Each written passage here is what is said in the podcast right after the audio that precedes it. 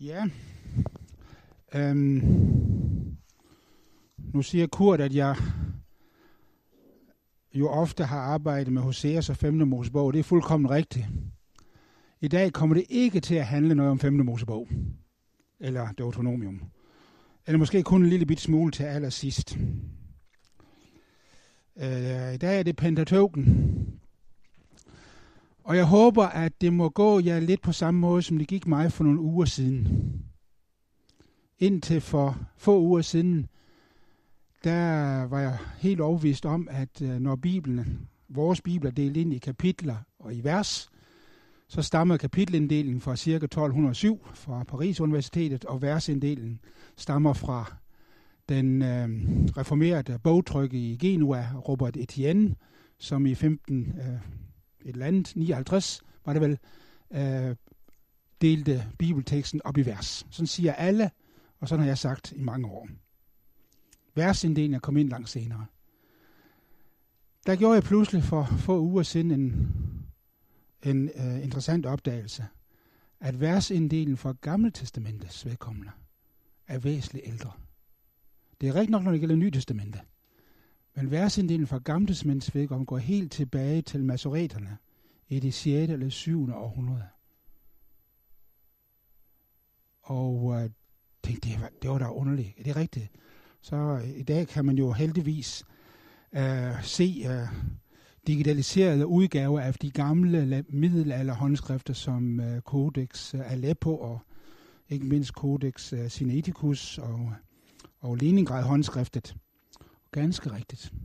Der er tydelig markering af vers.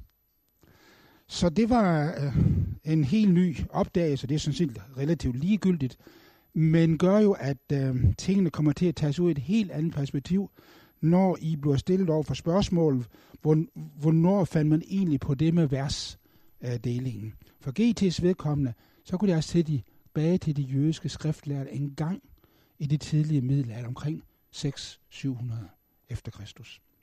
Og jeg håber lidt i dag, at det emne, vi så skal beskæftige os med nu, nemlig Pentateuken, eller de fem Mosebøger, at det vil give lidt af den samme aha-oplevelse. Uh, give noget ny input, ny indsigt, uh, som kan måske imødegå nogle af de myter, der er i omkreds, som myter, der er klædt ind i, i fornem videnskabeligt sprog, men som jo ikke af den grund bliver mindre myter. Så til sagen. Hvornår, at, hvorfor Pentateuken umuligt kan være et værk skrevet i persisk tid. Vi kender jo Mosebøgerne, eller Pentateuken.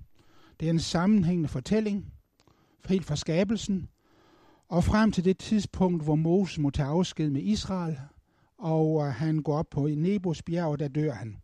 Og det sker jo straks inden Israels indvandring i det forjættede land. Det underlige er, at Pentateuken slutter så abrupt. Slutter med en mands død.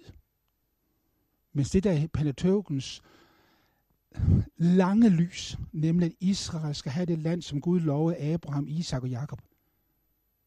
Det opfyldes ikke inden for Mosebøgernes egen ramme. Men det er fortællingen, denne lange fortælling, og alle love, alle forskrifter, alle folketællinger, alle lister over lejrsteder for Israel, alt er ligesom bundet op på denne fortælling og ligger indlejret i den. Og det er også sådan, at Mosebøgerne er, er, er anonym, som de står. Der er ingen forfatterangivelser. Det er i modsætning til vor tid, hvor det er nogle gange, at forfatterens navn står tydeligere på titelbindet end titlen på bogen eller værket. Sådan var det ikke i antikken. Der var store værker anonymer. Det er først med Herodot, at det begynder at ændre sig. Og Mosebøgerne er således helt i overensstemmelse med sin tid, hvordan det så, hvordan det så er, når den, de er anonymer. Her og der i Mosebøgerne nævnes det, at Moses får besked om at skrive øh, nogle enkelte dele op, men værket som sådan er anonymt. Og gennem de sidste 250 år har den videnskabelige forskning også drøftet intenst, hvornår Pentateuken blev samlet og blev redigeret og blev nedskrevet. Hvordan den proces har været, og hvilke metoder vi har til ligesom at skrælle alle udenomsværkene af og finde ind til kernen, det oprindelige, det første. Er der tale om forskellige selvstændige kilder, der er blevet redigeret sammen på et tidspunkt, det vi kalder kildesondringen, eller den, den teori med kildesondring, den øh, led sin død omkring 1970. Har så levet videre på kunstig åndedræt lige siden, men eller er det sådan, som øh, den store tyske ekseget øh, Rolf Randtorff øh, formulerede det, at der er mere tale om selvstændige blokke af fortællinger. En blok om Abraham, en blok om Jakobs fortælling, en blok om Israels udvandring i Ægypten osv., som så er blevet samlet på et tidspunkt, sent tidspunkt. Eller er det en helt tredje mulighed? At der har været et langt grundlagsdokument, som så med tiden er blevet suppleret, føjet til og tilskrevet, redigeret osv. Og dermed vokset i omfang. Bare tre forskellige modeller, som nu diskuteres hæftigt og blodigt. Langt de fleste forskere mener, at Pentateuken blev samlet og redigeret i persisk tid, altså i den eftereksilske Jerusalem. Dele af Mosebøgerne kan nok være ældre, men værket som sådan er skabt i persisk tid. Så har vi lige vores venner i København med Københavnerskolen, de mener så, at det er endnu senere, men det, dem lader vi ligge her. Og, og nævne bare som kuriosum. De aller, aller fleste siger, at det er i persisk tid. Og når vi siger persisk tid, hvad mener vi så? Lige for at repetere. Det er alle selvfølgelig klar over. Det er perioden fra 587 til 331 før Kristus. 587, det var det år, hvor Jerusalem blev erobret første gang af babylonerne. Ødelagt. Templet blev totalt afmonteret, efter det var blevet plyndret. Og den del af befolkningen, som havde overlevet, blev deporteret. Og store dele af Juda blev simpelthen lagt øde, hervet fuldstændig. Den anden øh, side af perioden, 331, ja, det er det tidspunkt, hvor den unge fløs fra Makedonien, Alexander den Store, han øh, overvinder perseriet, selvom den persiske her var mange gange større end hans eget. Det var over 331. Det er den persiske tid, den persiske periode. Og i denne periode, der var Juda bare en lille provins, en fattig provins i Perserigets yderkreds. Uh, det var en del af uh, det persiske satrapi uh, Avar Nahara, som er aramæisk betyder på den anden side af floden, eller hinsides floden. Og Jerusalem selv, det var bare en ubetydelig grænseby, socialt forarmet. øh, nogle få hundrede levede der i provinsen Jehud eller Juda. Og det er altså her, forskningen mener, at Pentateuken er blevet til i denne by, i denne tid. Og det vil sige mellem 500 og 400 før Kristus. Og dette store værk på fem mosebøger blev samlet, redigeret, tilrettelagt og præsenteret af præsterne ved templet i Jerusalem. Og formålet er at skabe en særlig jødisk identitet her midt i det kæmpe store smeltedil, som perseriet er. Selv fortæller Pentateuken jo en anden historie. Den fortæller historier, og den samler nogle love, som den selv angiver øh, foregå i en periode mellem 1000 og 1600 år tidligere. Pentateukens tid, det er 2100 til ca. 1400 før Kristus. Og så er der selvfølgelig noget, der er endnu ældre. Det med urhistorien, det lader vi ikke her. Og det gør, at der bliver en stor, stor afstand i tid. Og det store spørgsmål er, om Pentateuken overhovedet kan rumme noget som helst autentisk. Om den periode den vil skildre, når der er så stor tidsmæssig afstand. Denne datering af Pentateuken til persisk tid, den er meget udbredt. Den uh, står i alle lærebøger. Selv den nyeste konservative lærebog, som jeg fik her for en måneds tid siden, har den. Og den er forudsætning for alle specialstudier over øh, Mosebøgerne.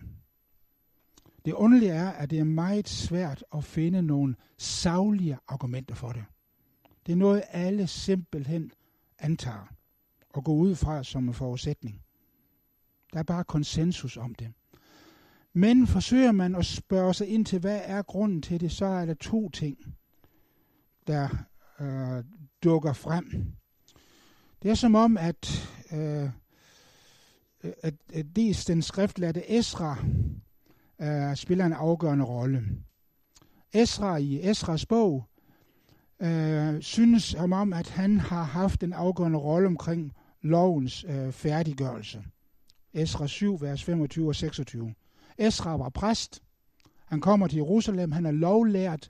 Og perserkongen giver ham øh, myndighed til at øh, få denne lov, som han har med sig, få den effektueret i det jødiske samfund i Jerusalem. Perserkongen er presset. Perserne bliver angrebet i Ægypten. Perserne har taget magten over Ægypten, men der er oprør i Ægypten, og perserne har behov for at sikre sig øh, provinsen Juda som et boldværk imod det oprør. Så derfor giver perserkongen Esra videre beføjelse til at indrette det jødiske samfund omkring templet i Jerusalem på jødisk vis og efter den lov, som han nu har med sig. Det er det ene. Der er antydning af, at loven synes at blive færdiggjort på Esras tid, mener mange.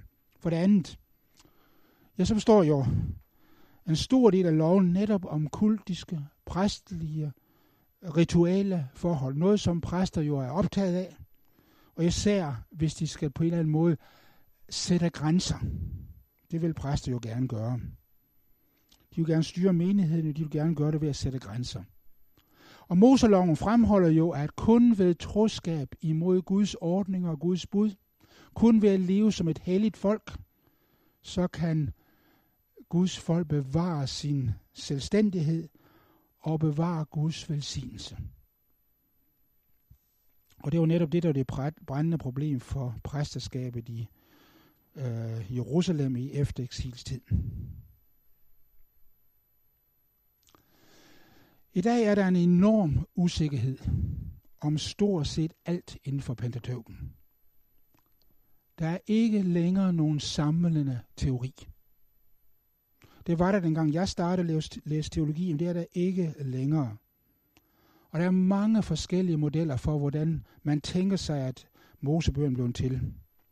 Og der er stor uenighed om metode, om terminologi og om fremgangsmåde og om resultaterne.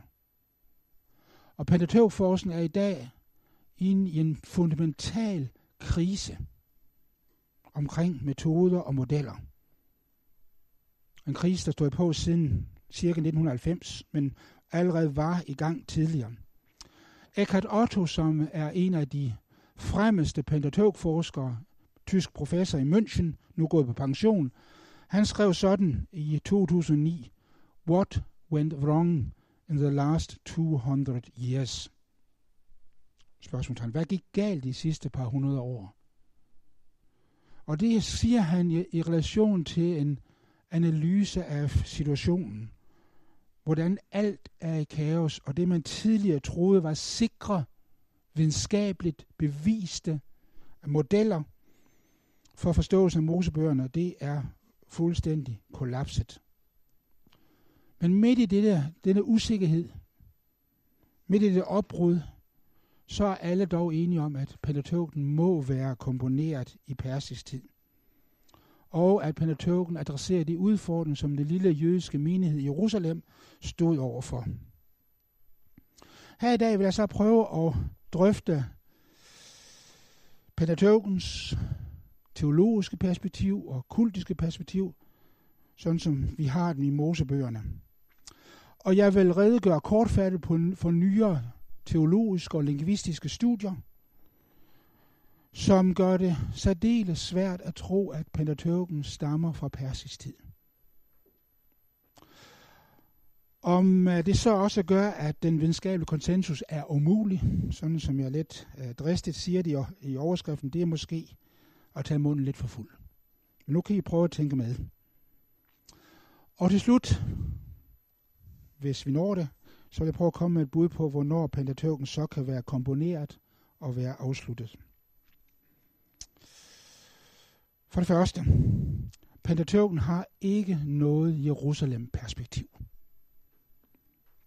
Hvis det er sådan, at Pentateuken er blevet samlet, blevet redigeret, blevet tilrettelagt af præsteskabet i Jerusalem på Esras tid, en gang omkring 450 til 400 før Kristus, ja, så måtte vi forvente, at Mosebøgerne vil have stærk fokus på Jerusalem og på templet og gudstjenesten ved templet. Netop i den her periode, der øh, grundlægges der et konkurrerende jave helligdom på Garisems bjerg, tæt på det gamle Shechem. Det er det, der senere blev til samaritanerne. Men det er altså to jødiske fraktioner, to israelitiske fraktioner, vil jeg hellere sige det. Den ene i Jerusalem, den anden omkring øh, uh, Garisim og Garisems bjerg. Og uh, denne øh, helligdom på Garisim viser arkeologiske fund, at den er grundlagt allerede omkring 425 før Kristus. Så netop den periode, hvor forskningen siger, at Pentateuken ellers er blevet færdiglavet. Desto mere paradoxalt er det, at Pentateuken ikke har noget Jerusalem-fokus overhovedet. Byen Jerusalem nævnes ikke entydigt ved navn i Mosebøgerne. Genesis 14, vers 18 taler ganske vist om Salems konge Melchizedek, der kommer og velsigner Abraham. Men Salem, er det samme som Jerusalem? Eller er det en anden lokalitet? Vi kender faktisk en anden lokalitet i Kanaan ved navn Salem. Og øh, så har vi afsnit om Abrahams offring af Isak i 1. Mosebog 22. Men også her ser vi det paradoxale, at det siges ikke tydeligt, at det er Jerusalem, eller Sion, eller Tempelbjerget. Faktisk er det information i det afsnit, som modsiger det. I Josva og dommerbogen har vi flere gange tilføjelsen, det er Jerusalem. Hver gang uh, og Dommebogen nævner en lokalitet, det er så Jebus, og forfatteren tænker, det er ikke så kendt, så må jeg lige forklare det. Jebus, det er Jerusalem. Men denne tilføjelse finder vi aldrig i de fem Mosebøger. Nu har Mosebøgerne at afskillige den slags forklarende øh, uh, tilføjelser til stednavn i første Mosebog, som er obskure eller lidet kendte. For eksempel i Genesis 14, vers 3, Sidimdalen, så får jeg til, det er salthavet, altså dødehavet. Eller om Kirat Arba, hvor Abraham køber en stump jord med en klippehul på, så får jeg til Kirat Arba, det er Hebron. Eller Lutz, hvor Jakob kommer til, så får jeg forfatteren til Lutz, det er Betel. Og der er mange andre den slags eksempler i første Mosebog. Så første Mosebog har altså lang række på forklarende, oplysende tilføjes til stednavne, som er tvivlsomme eller, eller vanskeligt at afkode. Men ikke noget, der relaterer til Jerusalem. Går vi frem til den sidste bog i øh, Pentateuken, nemlig Deuteronomium, så er det jo velkendt, at Deuteronomium har et stærkt fokus på, at Israel kun må dyrke Herren et sted. Nemlig det sted, som han må vælge. Og Israel skal ikke dyrke deres Gud, hvor de nu synes det er passende, eller hvor de har lyst til det, eller, eller hvor der tidligere var hellige steder. Det er en bevidst brud med forestillingen om, at et helligsteds religiøse sfære, så at sige, kan transporteres videre i en ny religion. Det bryder 5. Mosebog med. Det skal være et sted, som Herren vil udvælge. Futurum. For eksempel kapitel 12, vers øh, 5-13. Men det paradoxale er, at Deuteronom intet steds antyder noget om, hvad er det så for et sted? Det siges ikke med en eneste stavelse, at det sted er Jerusalem eller er Tempelbjerget. Der bruges udelukkende ubestemt form og altid futurum. Det sted, som Herren, jeres Gud, vil vælge. Jerusalem som den udvalgte by, som Herren har udset sig, hvor han er til stede og hvor han er nær, det er fuldstændig fraværende. I det skrift, som siger, at Israels folk må kun dyrke Herren på et sted. Det sted, som han har valgt. Så hvis Pentateuken ikke har noget Jerusalem-fokus, hvilket fokus har det da? Ja, det fokus er på Shechem. Det vigtigste helligsted i Mosebøgerne er Shechem. Da Abraham kommer til landet, kommer han til byen Shechem. Det var til med en kananæisk by, for vi at vide. Og det første Abraham gør, det er at opføre et alter ved Shechem. Samme gør Jakob, da han vender tilbage med sin store familie, fire koner og mange børn. Da han kommer over Jordanfloden til Shechem, så bygger han alter der. Og går vi hen til den anden ende af Pentateuken, nemlig til 5. Mosebog, så slutter Moses sin formaning med, at Israels folk, når de er kommet ind i landet, skal de opføre et alter på Ebals bjerg. Ebals bjerg ligger to kilometer vest for Shechem. Og Shechem ligger i skyggen af Ebals bjerg, Ebals og Garisims bjerge. Der skal de opføre et alter. Der skal de øh, lade loven skrive på store stenstøtter, og der skal de forpligte sig på ny på at holde pakten, nu hvor de har fået landet. Så de fem Mosebøger fra begyndelsen med Abraham frem til slutningen med øh, Moses og Moses formaning har fokus på Shechem. Og det underlige er, at første Mosebog med patriarkernes vandringer især nævner hellige steder i det, som senere blev til Nordrigt. Shechem, øh, Betel. Den eneste hellige sted i det, der senere blev til Sydriget, der nævnes, det er Beersheba, Abraham, der øh, graver en brønd og bygger et alter der og bor der en stykke tid, øh, lang tid. Helligsted i det, der senere Juda, er stort set fraværende, bortset fra Beersheba altså. Jerusalem blev som sagt slet ikke nævnt. Det åndelige fokus i Mosebøgerne synes snarere at være Shechem og øh, Ebals bjerg. Og havde vi kun Mosebøgerne, sådan som samaritanerne har det, så måtte vi konkludere, at det sted, som Herren vil udvælge, formentlig måtte være øh, enten Ebalsbjerg eller Sikhem. Og da Joshua efter indvandringen så øh, vil forny pakten, så kalder han netop folk sammen i Sikhem, Joshua 24. Og lader folk forpligte sig på pakten der. Og spørgsmålet er, er det overhovedet tænkeligt, at Pentateuken med det fokus er formuleret og formet af præster i Jerusalem. I en periode, hvor de samme præsterskab er under pres, fordi der er andre israelitter, der siger, nej, nej, det hellige sted, som Gud har udvalgt, det er Gerizim. I Pentateuken er det også sådan, at fokus er på Josef, ikke på Juda. Det er Josefs stammerne, der får opmærksomheden, ikke Judas stamme. Det er Josef, der fremstår som sine brødres frelser. Juda, hvad laver han? Ja, der har vi lige i 1. Mosebog 38, hvor vi har den lille kedelige episode med, at Juda han havne i sengen sammen med sin svigerdatter. Og det er i vores tid jo en, en, en ret morsom fortælling. I datiden var det en, den største skændsel at have et seksuelt forhold til sin svigerdatter. Og Mosebøgerne siger, at størsteparten af den senere Judas stammer er efterkommer af dette illegitime seksuelle forhold mellem Juda og hans svigerdatter. Fordi hun får et, et tvillingepar. Uh, og det, det er kun en mindre tal af Judas stamme, der stammer fra andre af uh, uh, Judas sønner. Og det er noget, som loven fordømmer på det skarpeste, at have et forhold til sin svigerdatter. Et seksuelt forhold. Men det står der uden at blive forklaret og uden at blive nedtonet i første Mosebog. Og det er meget morsomt at læse jubilærbogen, som er et jødisk skrift fra ca. 150 før Kristus. Jubilærbogen gennemgår Mosebøgerne.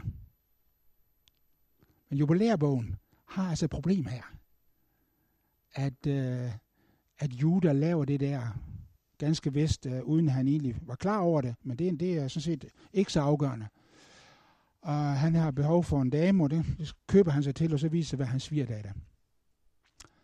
Men jubilærbogen gør alt for at prøve at tale sig udenom, at det her det er dybt illegitimt i Guds øjne og i lovens øh, øjne.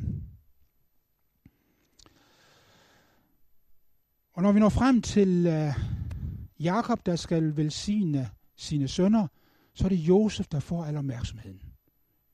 Meget mere end Juda. Og i Moses velsignet til slutningen af Pentateuken, Deuteronomium 33, der er det igen Josefs stamme, der får langt mere omtale. Juda nævnes kun i et vers, jo, øh, øh, Josef i fem vers. Og Josef kaldes både i Genesis 49 og i Deuteronomium 33 for fyrsten blandt brødrene. Og Pentateuken har slet ikke det fokus på Jerusalem som en hellig by, og, som, og på Juda som den udvalgte stamme, sådan som efter den eftereksilske jødedom havde det. Vi kan bare tænke på krønikerbøgerne, og lægge mærke til, hvor ofte Jerusalem nævnes i krønikerbøgerne. Krønikerbøger har en gennemgang af Israels historie med fokus i Jerusalem og templet i Jerusalem. Og det interessante er, at det kun er i krønikebøgerne, at vi møder udtrykket Jerusalems Gud, brugt om Herren, Gud Herren. Mosebøgen derimod har et helt tydeligt nordligt perspektiv, fokus på Sikhem, og den fremhæver de to Josefs stammer, Efraim og Manasse. Flere af lovene i lovsamlingen blev decideret knyttet op på dilemmaer, som Efraim og Manasse stammer har. Og de kommer til Moses og spørger, hvad skal vi gøre i de her tilfælde? Mosebøgerne omtaler meget ofte Guds bjerg, eller Herrens bjerg. Det var der Gud kaldte Moses, 2. Mosebog 3. Det var der pakten blev givet med de 10 bud, og den efterfølgende pagtslutning, 2. Mosebog 20 og 24. Det var der, hvor tabernaklet blev indrettet og stillet op. Øh, 2. Mosebog 40. Alle steder er det Sinai-bjerg, hvor det så end har ligget. Sinai-bjerg, øh, hvor Israel opholdt sig gennem halvandet år. Overalt i Pentateuken er Herrens bjerg altid Sinai bjerg. Hos profeterne og i salmernes bog og også i andre skrifter, så er Herrens hellige bjerg eller Guds bjerg, det er altid Jerusalem. For eksempel Esajas 2, hvor Esajas har sin vision om, at i de sidste dage skal Guds bjerg løftes højt op, og alle folkene skal strømme dertil, der er det Jerusalem. Eller i salmernes bog, når David spørger i salme 24, hvem kan stige op på Herrens bjerg? Så er det ikke øh, Sina, han tænker på. Så er det Jerusalem, eller Tempelbjerget, eller Sion, og en lang række andre steder. Jerusalem som Guds udvalgte åbenbaringssted kommer først frem i 2. Samuels bog. Og fra og med 2. Samuels bog, så kommer hele Gamle fokus til at samles om Jerusalem. På godt og på ondt. Også i den eftereksilske skrifter. Men Mosebøgerne er fuldstændig fri for et fokus for Jerusalem. Det er som om, at Mosebøgerne må være samlet og komponeret og skrevet færdig før persisk tid. Før modsætningen mellem Jerusalem og Samaria opstår en gang i løbet af det 5. århundrede før Kristus. Det var det første. Pentateuken har ikke noget Jerusalem-perspektiv. For det andet, Der er ingen persiske eller aramæiske ord i Pentateuken. I persisk tid så bliver aramæisk det fælles talte sprog overalt i perseriet. Både uofficielt og officielt. Aramæisk er det fælles sprog fra Indusfloden i øst helt til det sydlige Ægypten. Overalt talte man aramæisk, man skrev aramæisk. Og jødernes hebraisk kommer naturligvis under stærk påvirkning af aramæisk. Aramæisk ord glider ind. Aramæisk måde at konstruere sproget på påvirker og smitter af. Jøderne overtager den aramæiske kvadratskrift, som de har den dag i dag, og så videre, og der kommer også efterhånden en lang række persiske ord ind. Selvfølgelig nok. Fordi det var det persiske rige, den persiske kultur, der var dominerende. Forskere identificerer ca. 22 persiske ord, som vi har i Gamle Testament i dag. Og det er alt sammen i sene skrifter. Det vil sige Esra Nehemias bogen, Krønikebøgerne, Esters bog, et par stykker af dem også i Daniels bog, og i, øh, hvad hedder det, prædikeren og højsangen. Det mest kendte af disse persiske fremmedord, det er ordet parades, der betyder kongelig have. Uh, og det går jo ind og bliver til ordet paradis, sådan som det er i Nyt Testamente.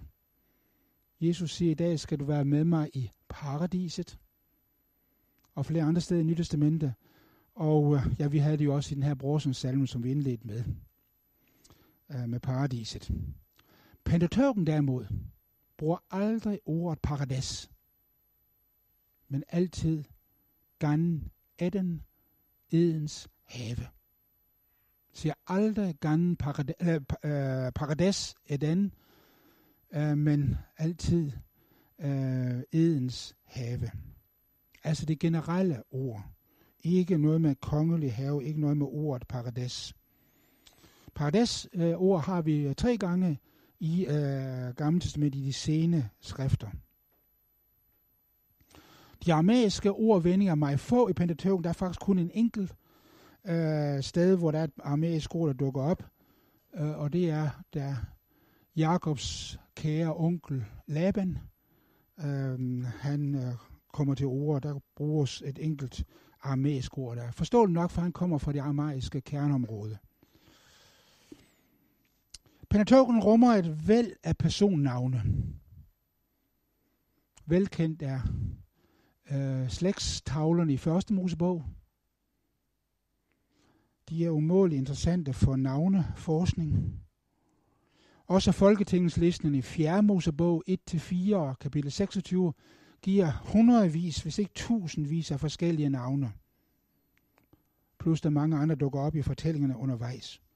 Men tankevækkende er det, at Pentateuken ikke kender det mindste til navneformer, som var gængs i eftereksilstid eller i føreksilstid, i kongetiden. Pentateuken har ingen navneform, hvor navnene begynder med jo eller ja, eller slutter med ja, altså Herrens ene navn. Disse navneformer med jo eller ja vil meget udbredte i kongetiden. Vi kan tænke på Jesaja, Herren frelser. Josia, som er en variant af det samme. Joachim. Alt sammen navne, hvor Herrens navn indgår. Disse navneformer mangler totalt i Pentateuken. Derimod de navne, de mange hundrede navne, vi har på Pentateuken, svarer præcist til navneformerne før årtusind. Det vi kalder de amoritiske navneformer, eller de øh, øh, jøjf-præfigerede navne, hvis man vil have lidt teknisk ord på det. Altså navne, som er bygget op over et verbum i Jiktol. For eksempel Isak, Yitzhak, han lærer. Jakob, han snyder, og så videre. Typiske navnformer, som vi kender tusindvis af fra øh, skriftlige kilder fra det andre tusinde, og det er de samme typiske navneformer, vi møder i Mosebøgerne. Mit spørgsmål er da, er det overhovedet muligt, at et værk, som skulle være komponeret og skrevet færdigt i persisk tid, fuldstændig kan undgå sin egen tids navneformer? For det tredje. P-stoffet, det står jo for det præstelige stof. P er det tekniske betegnelse for det præstelige materiale i uh, Mosebøgerne. Lingvister skiller gerne mellem to former for uh, hebraisk i vores bibel. Der er klassisk bibelsk hebraisk, som er før eksilsk, og der er sen bibelsk hebraisk, som er efter eksilsk, fra persisk tid. Og øh, hvis I vil være meget nørde, så har man faktisk øh, to yderligere varianter. En arkaisk bibelsk hebraisk og en overgangsform mellem klassisk og senhebraisk. Det kan vi lade ligge her. De to hovedformer er klassisk bibelsk hebraisk. Det kender vi fra mange inskriptioner fra det 8., 7. og 6. århundrede. For eksempel Silo Adam-inskriptionen, som er en, en lang tekst, omkring øh, konstruktionen af Silua Dam, øh, eller Silua Tunnel hedder det, undskyld, ikke Silua Dam, men Silua Tunnel inskriptionen, og en lang række øh, breve, eller ostraka, også alt sammen fra det profeternes tid, fra det 8. til 6. århundrede. Senbibelsk hebraisk kender vi fra sene skrifter i Gamle som krønikebøgerne Esra, Nehemias, Esther, Prædikeren og Daniel, men også fra lidt senere skrifter som Siraks bog, den hebraiske udgave af Jesus Siraks bog fra ca. 200 før Kristus, og der så ikke mindst for dødehavsrullerne, hvor er de ældste dele fra ca. 250 før Kristus, og så helt ned til vor øh, tid efter vores tidsregningsbegyndelse. Øh, begyndelse. så øh, forskere, linguisterne er øh, meget enige om denne opdeling i to dele. Og her har forskningen, især den gammeltestamentlige forskning, sagt, jamen øh, det præstlige materiale, alt det kultiske, hele lovgivningen i Pentateuken, det er fra eftereksilstid. Det er senbibelsk hebraisk. Sådan sagde Julius Wellhausen tilbage i 1870, og det har man gentaget lige siden. Men mange, mange lingvistiske studier har nu entydigt vist, at det præstlige stof, kaldet P, som helhed, uden undtagelse, hører til kategorien klassisk bibelsk hebraisk. Sprogligt set er det ikke senhebraisk. Og det gælder både stavemåde, det gælder de ord, man bruger, det gælder syntaks, det gælder semantik, altså ordenes betydning, den kontekst, de står i. Her er der en tydelig udvikling i bibelsk hebraisk fra klassisk til sen bibelsk hebraisk. Og P lægger sig utvetydigt i klassisk bibelsk hebraisk. Det er før eksilsk. Det præstelige stof i Mosebøgerne hører entydigt til det hebraisk, som blev talt og skrevet før eksilet. Hvad så med det ikke præstelige materiale, altså det som vi kalder jøj, eller fra gammel tid det javistiske, det ikke præstelige stof, ja, der har et nyere øh, sprogligt studie kigget på det, og der når forfatteren Wright samt til, frem til samme konklusion. Pentateuken som helhed, de fem mosebøger, uanset om det er det præstlige materiale eller det ikke præstlige, det mangler simpelthen de ord og de vendinger og de staveformer og de sproglige konstruktioner, som blev gængs i eftereksilsk hebraisk, og som vi finder typisk i krønikebøgerne og Esra Nehemias og, og så videre. Der er en ung lingvist, Lina Patterson, ved Uppsala Universitet, som er ved at færdiggøre hendes Ph.D. Hun har undersøgt noget andet, og ikke bare øh, brug af ordformer og stavemåde, men også verbalstrukturen i de præstlige fortællinger. De præstlige fortællinger i Mosebøgen, det er jo altså skabelsberetningen, som vi husker, det der, der siger udelukkende Gud, eller Elohim, aldrig JHVH. Øh, et andet typisk P-fortælling, det vil være beretning om Abraham, der skal omskære øh, si, øh, Ishmael. 1. Mosebog 17, det er også P-fortælling. Øh, hvad har vi mere P-fortællinger? Jo, Exodus 12 med, øh, eller i hvert fald dele af Exodus 12 med indstiftelsen af påsken. Der er sådan nogle øh, visse fortællinger i Pentateuken, som man siger er præstelige, og gerne øh, kaldes for sene fortællinger. Lina Pedersen undersøger her verbalstrukturen, altså den måde, som fortællinger bygges op på. De verbale former, man bruger for at fortælle et forløb, angive baggrundsinformation og øh, lade fløvet øh, gå i øh, fortællingen. Og hendes konklusion er, at fortællingerne i Mosebøgerne, de præstlige fortællinger, mangler den særlige syntaks, som efter eksilsk hebraisk øh, har.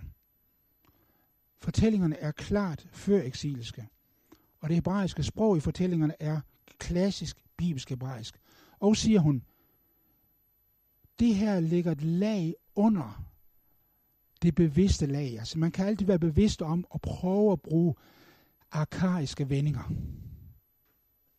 Gamle udtryk, som øh, måske er ved at gå i glemmebogen. Det kan man be, som forfatter være bevidst om at vende tilbage til pus af og til op igen. Men verbalstrukturen ligger et niveau under. Og den, det er altid det ubevidste niveau, siger hun. Og præstlige stof, hvad fortællingen angår, er ikke et mix igen mellem gamle og nyere former, men er entydigt det klassisk hebraiske. Så vidt øh, Lina Patterson, som øh, snart skal forsvare hendes Ph.D., og så blev den forhåbentlig udgi- udgivet. Uh, og det kommer nok til at uh, ryste i hvert fald dele af den af forskningen, det syn, det, det, den forståelse. Det sidste, jeg vil tage frem, det er profeten Ezekiel.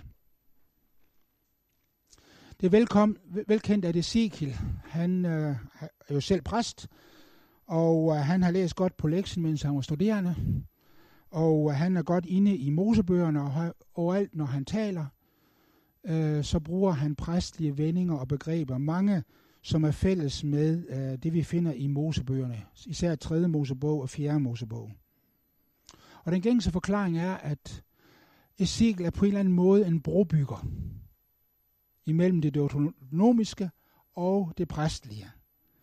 Uh, øh, det deuteronomiske, som bliver til på Josias tid, så kommer Ezekiel i begyndelsen af eksilet, og så kommer det præstlige, uh, øh, den præstlige lag i Pentateuken, det er så det seneste, hvor man henter øh, inspiration fra profeten Ezekiel. Men her er der en række nye studier over forhold mellem Ezekiel og Mosebøgerne, og som alle har vist, at denne nære kontakt mellem Ezekiel og især det præstemateriale, det skyldes, at Ezekiel citerer. Ezekiel genbruger. Det er ikke, det, øh, afhængighedsretten går ikke den modsatte vej. At, øh, at øh, P har lånt eller har overtaget fra Ezekiel. Det er omvendt sådan, at Ezekiel citerer og alluderer og gør brug af vendinger og formuleringer fra øh, det præstlige lovstof. Og det vil altså sige, at det præstlige materiale i Pentateuken er ældre end eksilet. Må være ældre end Ezekiels tid. Så skal vi prøve at binde det sammen. Meget tyder på, at Jerusalem ikke har noget Jerusalem-fokus. Det er mere fokus på helligstederne i nord, det er mere fokus på Josef og Josef stammerne. Der er ingen persiske låneord i Pentateuken. Det hebraiske sprog, der mangler også øh, aramæisk indflydelse. Sprogligt, syntaktisk, med hensyn til stavemåde, og nu også med hensyn til den underliggende verbale struktur i fortællingerne, så er Moseloven præeksilsk. Altså før år 600. Det er formen på det sprog, som profeterne talte, og som de epigrafiske kilder øh, fra Juda og Jerusalem øh, viser. Det er kongetidens hebraisk. Det er vanskeligt at forestille sig, at en redaktør og en præst og en skribent i persisk tid fuldstændig kan undgå de navneformer og de ordforråd og den verbale struktur, som var gængs i hans egen tid. Og han, eller de, fuldstændig kan imitere, imitere det sprog, der blev talt 200-300 år tidligere. Det kan selv moderne forfattere ikke gøre. Den enkleste forklaring er, at Mosebøgerne må senest er skrevet i kongetiden.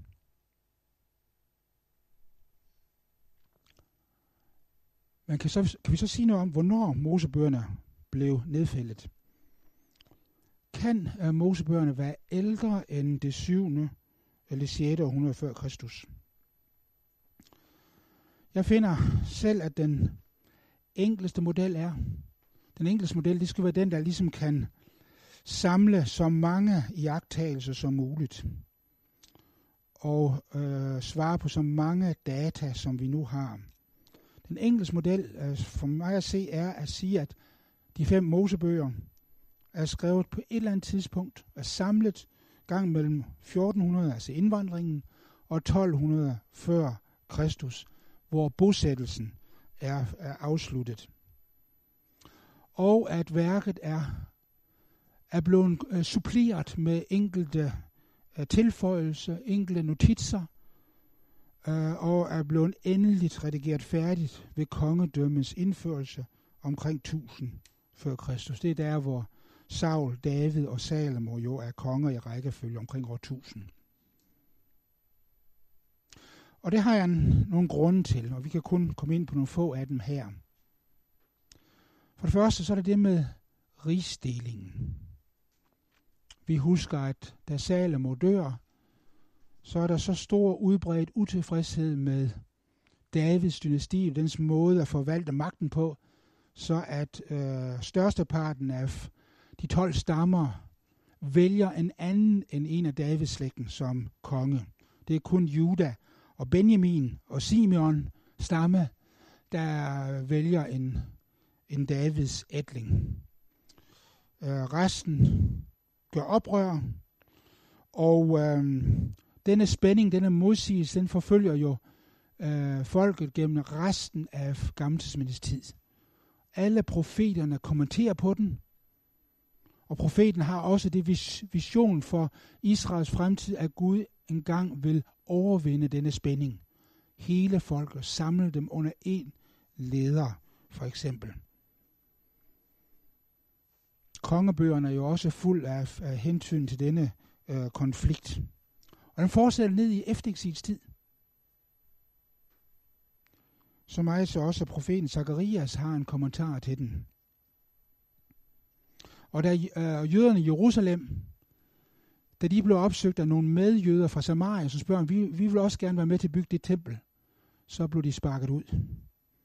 For jøderne i Jerusalem vil ikke anerkende de jøder, der kommer op og fra Samaria-området, de har nogle lodder del i tempelbyggeriet. Pentateuken giver sandelig øh, eksempler på mange typer spændinger i folket. Spændinger mellem Jakobs sønner, og øh, også masser af spændinger undervejs under ørkenvandring, øh, som går i, øh, simpelthen i retning af det disruption for det folk, som Moses anfører på vej gennem ørkenen. Men Pentateuken rummer ikke en eneste antydning af konflikten mellem nord og syd, mellem Josefs stammer og Judas stammer. Hverken i fortællingerne eller i lovsamlingerne. Og hvordan kan det være, at Pentateukens liste over de forbandelser, der vil, som Gud vil ramme sit folk med, hvis de er ulydige, at ingen af disse forbandelser overhovedet berører det forhold, at der opstår af borgerkrig og indbyrdes svækkelse i paksfolket. Altså, Mosebøgerne kender ikke det mindst til rigsdelingen. For det andet, så skal jeg lige have lidt fra 5. Mosebog. Og det er jo gammelkendt stof for jer. Men for mine kolleger, som næppe har hørt det, så kan jeg lige gentage det. For jer andre, I kan jo slappe af og tænke, det har vi hørt før, og det er også fuldstændig rigtigt. Det har jeg. Men meget kort fortalt, så består 5. Mosebog jo af tre taler, Moses holder. Og disse tre taler er struktureret på en sådan måde, at de nøje følger den samme struktur den samme rækkefølge af elementer, som vi finder i de politiske vasaltraktater fra det 14. til det 12. århundrede før Kristus. Vi har ganske mange af sådanne politiske vasaltraktater. Vi kender over 40 af dem, som alle har denne samme ensartede struktur på det her tidspunkt. Og det er det, som øh, 5. Mosebog jo følger de samme elementer, i samme rækkefølge. Og 5. Mosebog har også den samme grundkonception som øh, i øh, de politiske øh, øh, øh, traktater, nemlig at motivere til lydighed ud fra storkongens, eller i 5. Tilfælde, ud fra Guds godhed og Guds velgærninger mod sit folk tidligere. 5. Mosebog 28 har en lang liste over forbandelser. Det er noget, man tit jo bare springer over, fordi det er jammerligt kedeligt og, og også øh, grumt at læse. Men det er sådan, at Deuteronomium 28 har langt flere forbandelser til fælles med andet årtusindes fortegnelser over forbandelser, end med det første årtusindes. For eksempel øh, Hammurabis lov, som også slutter med en liste over øh, de øh, ulykker, der vil ramme øh, folk, hvis de nu er ulydige mod Hammurabis lov. Der er ganske mange paralleller der til øh, 5. Mosebog 28. Meget tyder på, at, at øh, hele 5. Mosebog har råd i den anden årtusindes tankeverden. Samtidig med, at den forkynder, at der er kun én Gud, nemlig Israels Gud.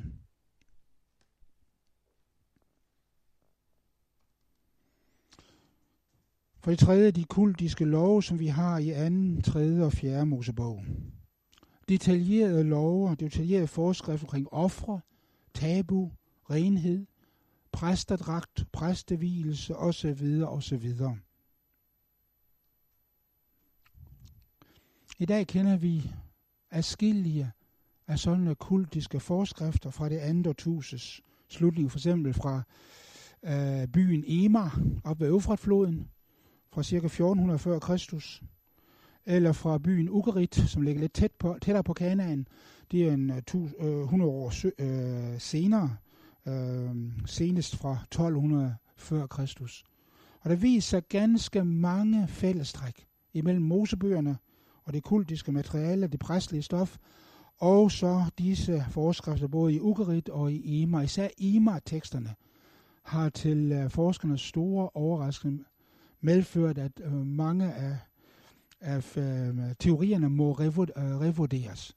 Meget af det, som tidligere blev bedømt som værende sent træk i uh, Mosebøgerne, uh, må nu konstateres, at det genfindes netop fra den periode, hvor Mosebøgerne taler om, nemlig det 14. og 13. århundrede før Kristus. For eksempel med hensyn til, hvordan ypperstepræsten skal indvies, at øh, indsættelse af ypperstepræsten tager en hel uge, og der skal bringes forskellige ofre for hver dag. De skal isoleres i den uge øh, af ypperstepræsten og hans sønner. Tilsvarende finder vi i Emar. Festkalenderen i Emar og rummer også to ny, øh, nytår. En forårsnytår og en efterårsnytår, nøjagtigt som Moselbøgerne gør det.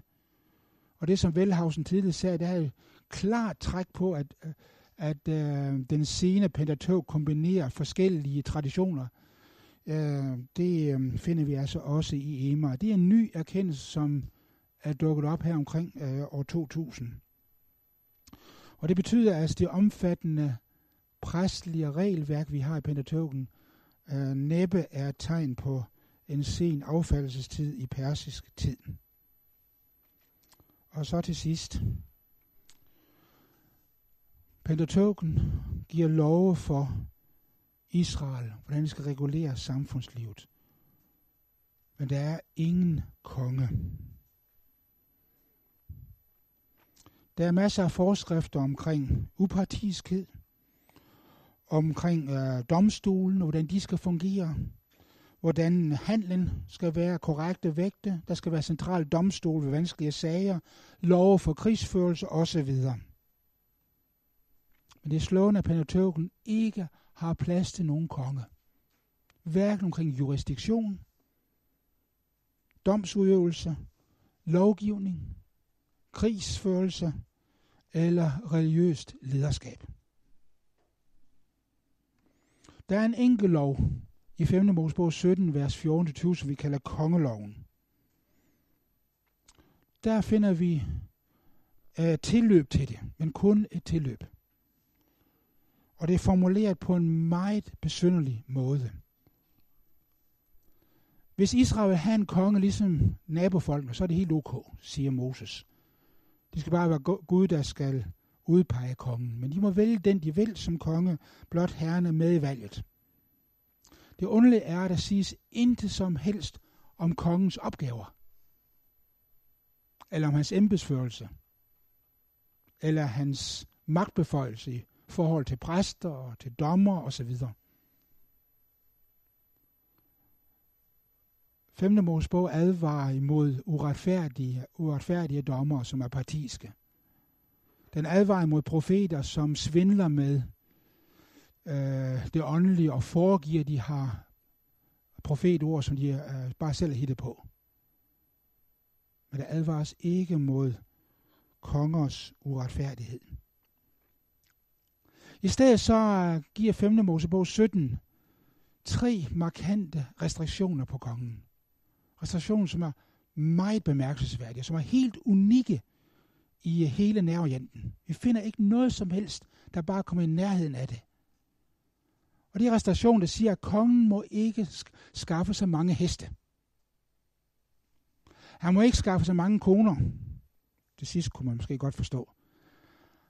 Han må ikke skaffe sig meget rigdom. Og det med heste det er ikke noget med krig og krigsheste. Det er pragtheste. Det er heste, der føres frem i procession, som skal demonstrere kongens øh, værdighed og glans. Jeg ved ikke, om I husker fra Esters bog, hvor kong Xerxes, eller kong Ahasverus, som han hedder i Esters bog, gerne vil hedre en bestemt undersåt. Og han spørger Haman, hvordan kan kongen på en særlig måde hedre en undersåt? Og Haman siger, jo, ved at en af kongens heste, som kongen selv har ridet på, lad denne undersåt få lov at ride på den. Det er de kongelige heste.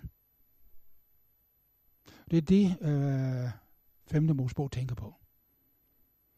Kongen må ikke have et stort harem, og kongen må ikke øh, skaffe sig øh, meget rigdom og samle sig store skatte. Hvordan kan en konge i kongetiden overhovedet leve med en sådan begrænsning? Vi ved fra kongebøgerne, at det kunne de heller ikke. Og profeterne kritiserer dem der også for det her og der. Det enkelte svar er, at Pentateuken med den her ejendomlige lov må være formet og redigeret, før Israel fik noget kongedømme, og før der endnu var nogen konge i landet. Det var fire forskellige jagttagelser, som for mig har set alle peger retning af, at Pentateuken, Mosebøgerne, er samlet og komponeret før kongedømmets indførelse. Og der er en række andre jagttagelser, som peger i samme retning. Det skal jeg nok spare jer for her. På en konference om Pentateuken i sidste år i Basel, en konference, som havde overskriften et paradigmeskifte i Pentateuch-forskningen. Der sagde professor Eckhart Otto, som jeg citerede i begyndelsen, der sagde han sådan citat, hvis der fremlægges sikre data, der kan vise, at Pentateuken er ældre end eksil, så er jeg villig til at ændre min forståelse. Citat slut. Og Eckhart Otto er nok en af de fremmeste pentateuforskere i vores tid, og har konsekvent i alle sine mange, mange skrifter argumenteret for, at Pentateuken er skrevet sent i persisk tid. Bare hans kommentar til 5. Mosebog fylder så meget. Fire store bind over 2.000 sider sammenlagt. Og grundtonen i det, det er, at Pentateuken er skrevet færdig i efterpræstelig tid. Altså efter år 400. Men der sagde han på den konference, jeg er villig til at ændre på det, hvis der kan fremlægges sikre data. Jeg tror, at disse sikre data er ved at være til stede. Der er ingen persiske låneord i Pentateuken. Sproget i hele Pentateuken, både det præstlige og det ikke præstlige materiale, er klassisk bibelsk hebraisk. Ezekiel citerer og genbruger mange vendinger fra Mosebøgerne. Det vil sige, at Mosebøgerne var ældre end Ezekiels tid. Klagesangernes bog citerer også fra Deuteronomium, og klagesangene er skrevet i begyndelsen af eksilet. Det vil sige, hvert fald 5. Mosebog foreligge som skrift på det tidspunkt.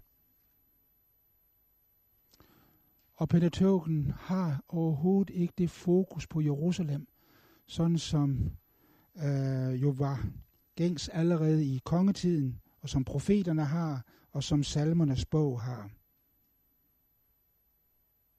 Om det vil få forskningen til at ændre synspunkt, det er jeg nok øh, skeptisk på. Jeg tror, at Eckhart Otto er en, en enestående undtagelse, der overhovedet vil overveje og øh, smide øh, 50 års forskning til side, og så se på det på ny. Jeg tror, der er langt, noget, der er langt mere afgørende, og det er, at det føles jo rigtigt, at præsterne i Jerusalem Øh, i det andet tempels tid, at de har skrevet og formet Mosebøgerne for at bygge en jødisk identitet op omkring templet. Og derfor vil man holde fast ved det. Og så negligere disse nye indsigter. Tak for opmærksomheden.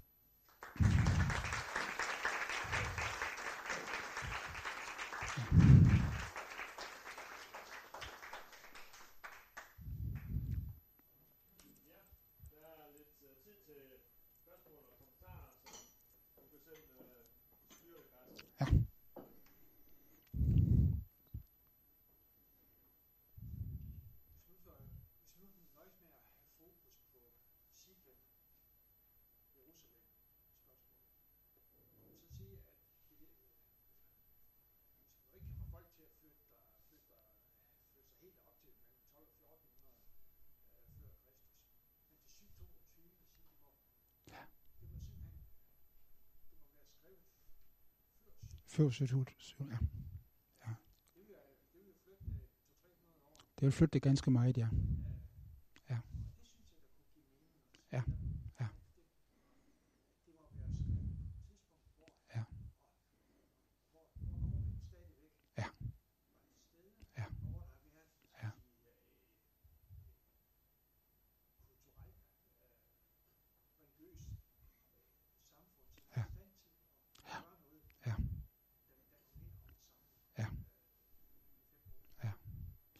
Det giver rigtig god mening at overveje, om uh, Mosebøgerne så kunne være samlet og skrevet og bearbejdet der i uh, før år 722.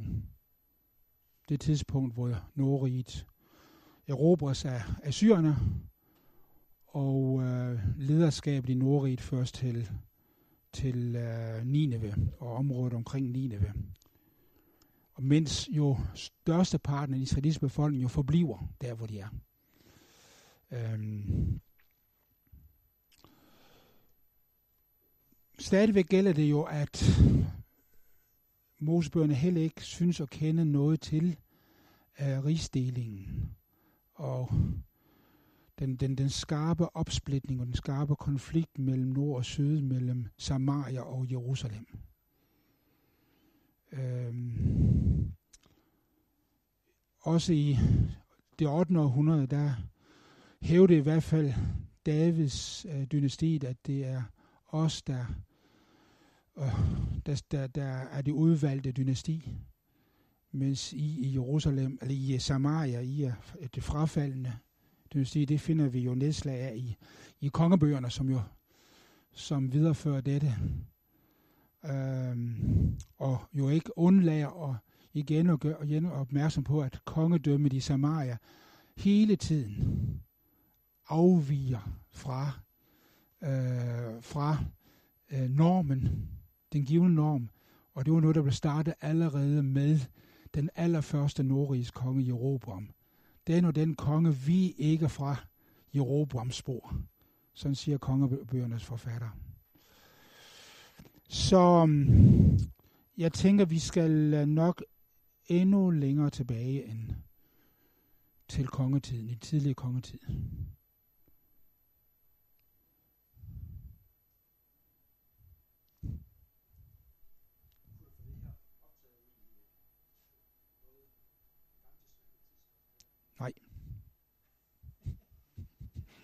Det tror jeg ikke.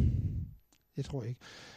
Og dog, altså, jeg var med på det her konference i Basel i sidste år, og der øh, øh, indlæggene der, både Lina øh, Pedersens indlæg, som jeg har refereret til, og, øh, og øh, et andet indlæg, som jeg ikke har givet jer et navn på, men der her allerhøjst har jeg refereret, hvad vedkommende sagde, en amerikansk forsker, Bergsma, John Bergsma, som havde meget fokus på det med Pentateugens manglende fokus på Jerusalem og på Jerusalem præsterskabet og på templet. Øh, det kommer i det konferencebind på en af de mest anerkendte forlag i Tyskland. Så øh, enkelte jagttagelser, det, det, er, det bliver, bliver sagt øh, i anden sammenhæng. Når jeg alligevel øh, tøver med at tro, at det vil kunne blive optaget, så har det jo at gøre med en, med en oplevelse, jeg havde for nogle år siden i Göttingen, hvor jeg holdt et, en, en forelæsning, og lade noget af det, det var, det var så udelukkende 5. Mosebog, hvor jeg så argumenterede for, at 5. Mosebog efter alt at dømme er før kongedømmets indførelse. Øh, reaktionen fra forsamlingen af professorer var raseri. Jeg har aldrig nogensinde i mit liv fået så meget skæld ud for det. Især de skandinaviske pædagogforskere var virkelig sure. De tyske var venlige, men øh, de skandinaviske de var virkelig... De stod på stålerækkerne og skreg af mig. Og bagefter kom så en japansk professor i semitisk filologi, en af de mest anerkendte i verden. Han sagde ikke et ord. Han kom hen til mig bagefter, vi gik fra og sagde, det var gode argument, du kom med. Men han sagde ikke noget om det offentligt. Og det var slående. At stemningen er sådan, at det er, det er svært at, at, at give udtryk for noget andet end konsensus på det her punkt. Men øh, ja, det er derfor, jeg nok øh, ikke er så, så optimistisk for, for min egen del.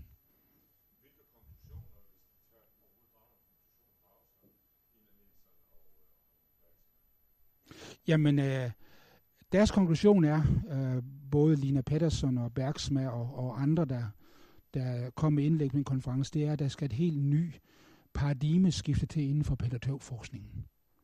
Og vi skal begynde at arbejde med det her problemstilling, hvornår pædagogen er skrevet og bearbejdet, øh, ikke ud fra den eftereksilske tid, men ud fra før tid, og nogen vil gå endnu længere tilbage til, til før kongedømmens indførelse. Mange vil, vil sige, det de er, øh, de er før eksilske Jerusalem, øh, eller det, som, som du nævnte der, Kurt. Det vil rigtig mange sige, men, men nogen vil, vil, vil overveje, skal vi ikke endnu længere tilbage.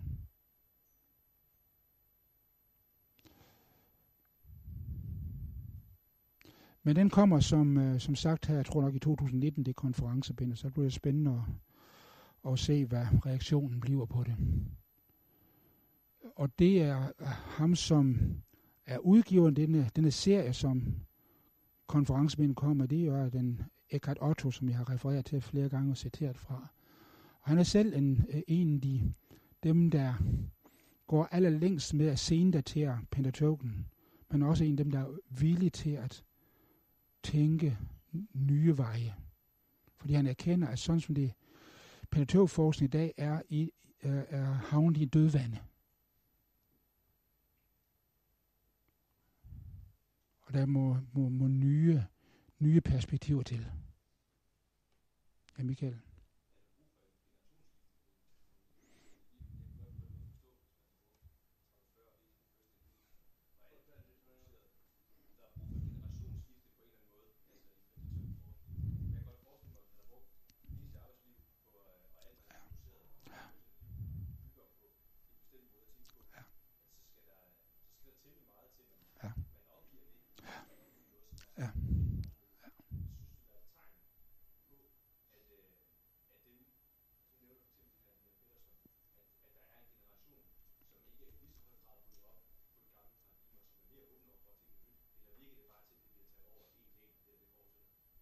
Desværre nok mere det sidste, og det hænger sammen med, at uh, forskning i dag bliver mere og mere specialiseret. Uh, der er meget få gammeltestamentlige forskere, som har lingvistisk indsigt. Det er simpelthen for kompliceret. Og derfor kan man ikke sætte sig ind i det. Så er det, så er det nemmere at gentage det, som ens lærebøger siger. Så bevæger man inden for et sikkert rum. Øh.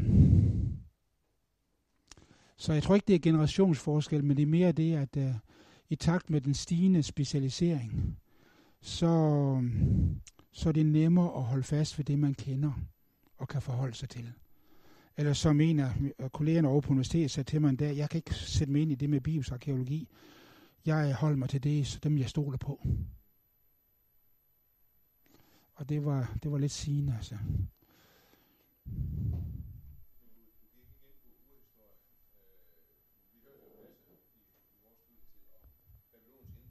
Ja. Ja. Ja. Ja. Hvad med urhistorien, ja? Godt spørgsmål.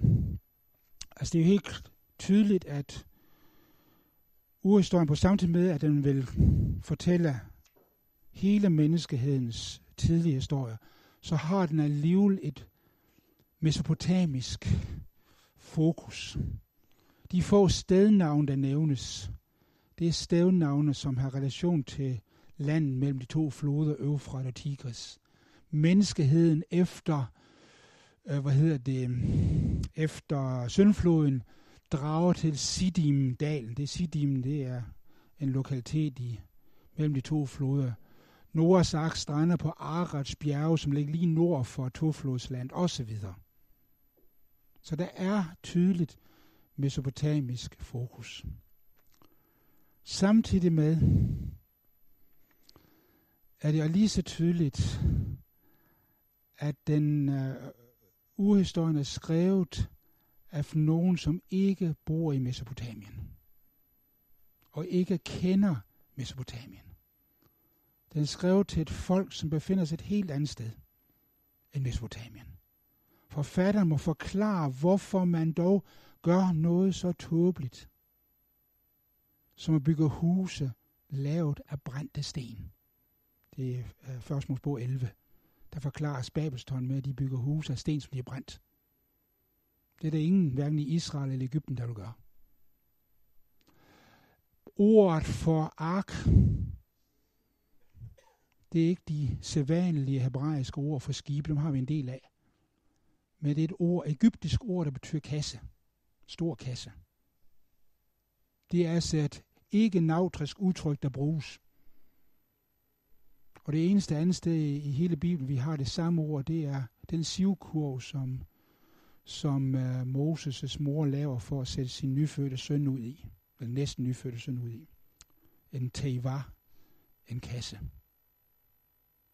Og det bruges altså af forfatteren til Første Mosebog også om denne, dette store, som ikke er et skib. Og mens de babylonske skabelsberetninger helt tydeligt er forankret i Mesopotamien, det er en, det er en flodkultur. Og derfor de, øh, de hændelser, der foregår i deres søndflodsberetninger, og de effekter, som søndfloden syndfloden har i de babylonske myter, det er effekter, sådan som en, en flodbefolkning oplever, når der sker store oversvømmelser. Så er syndflodsberetningen i første Mosebog fuldstændig fri for det. I dag ved vi, at øhm, har vi fundet, har man fundet øhm, elgamle mesopotamiske fortællinger, som går tilbage til 1900 før Kristus, som kombinerer skabelse, et problem, der opstår i skabelsen, en løsning af problemet ved, at guderne sender en, flod, flod, øh, en, en øh, oversvømmelse, og så tiden efter. Nøjagtigt den samme struktur som øh, i 1. Mosebog 1-11. Og som for mig at se peger retning af, at at øh, urhistorien ikke skyldes jødiske præster på at lave, at forsøge på at lave en, en javistisk udgave af, af de babylonske myter, men tværtom er en elgammel erindring om noget, som foregik mange, mange hundrede år før Abrahams tid.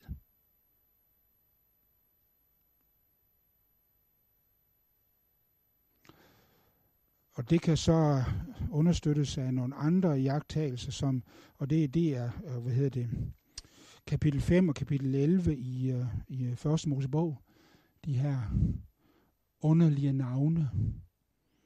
Det vi normalt fester, så ved, hvordan jeg skal forstå det, at Methuselam bliver 969 år og så videre.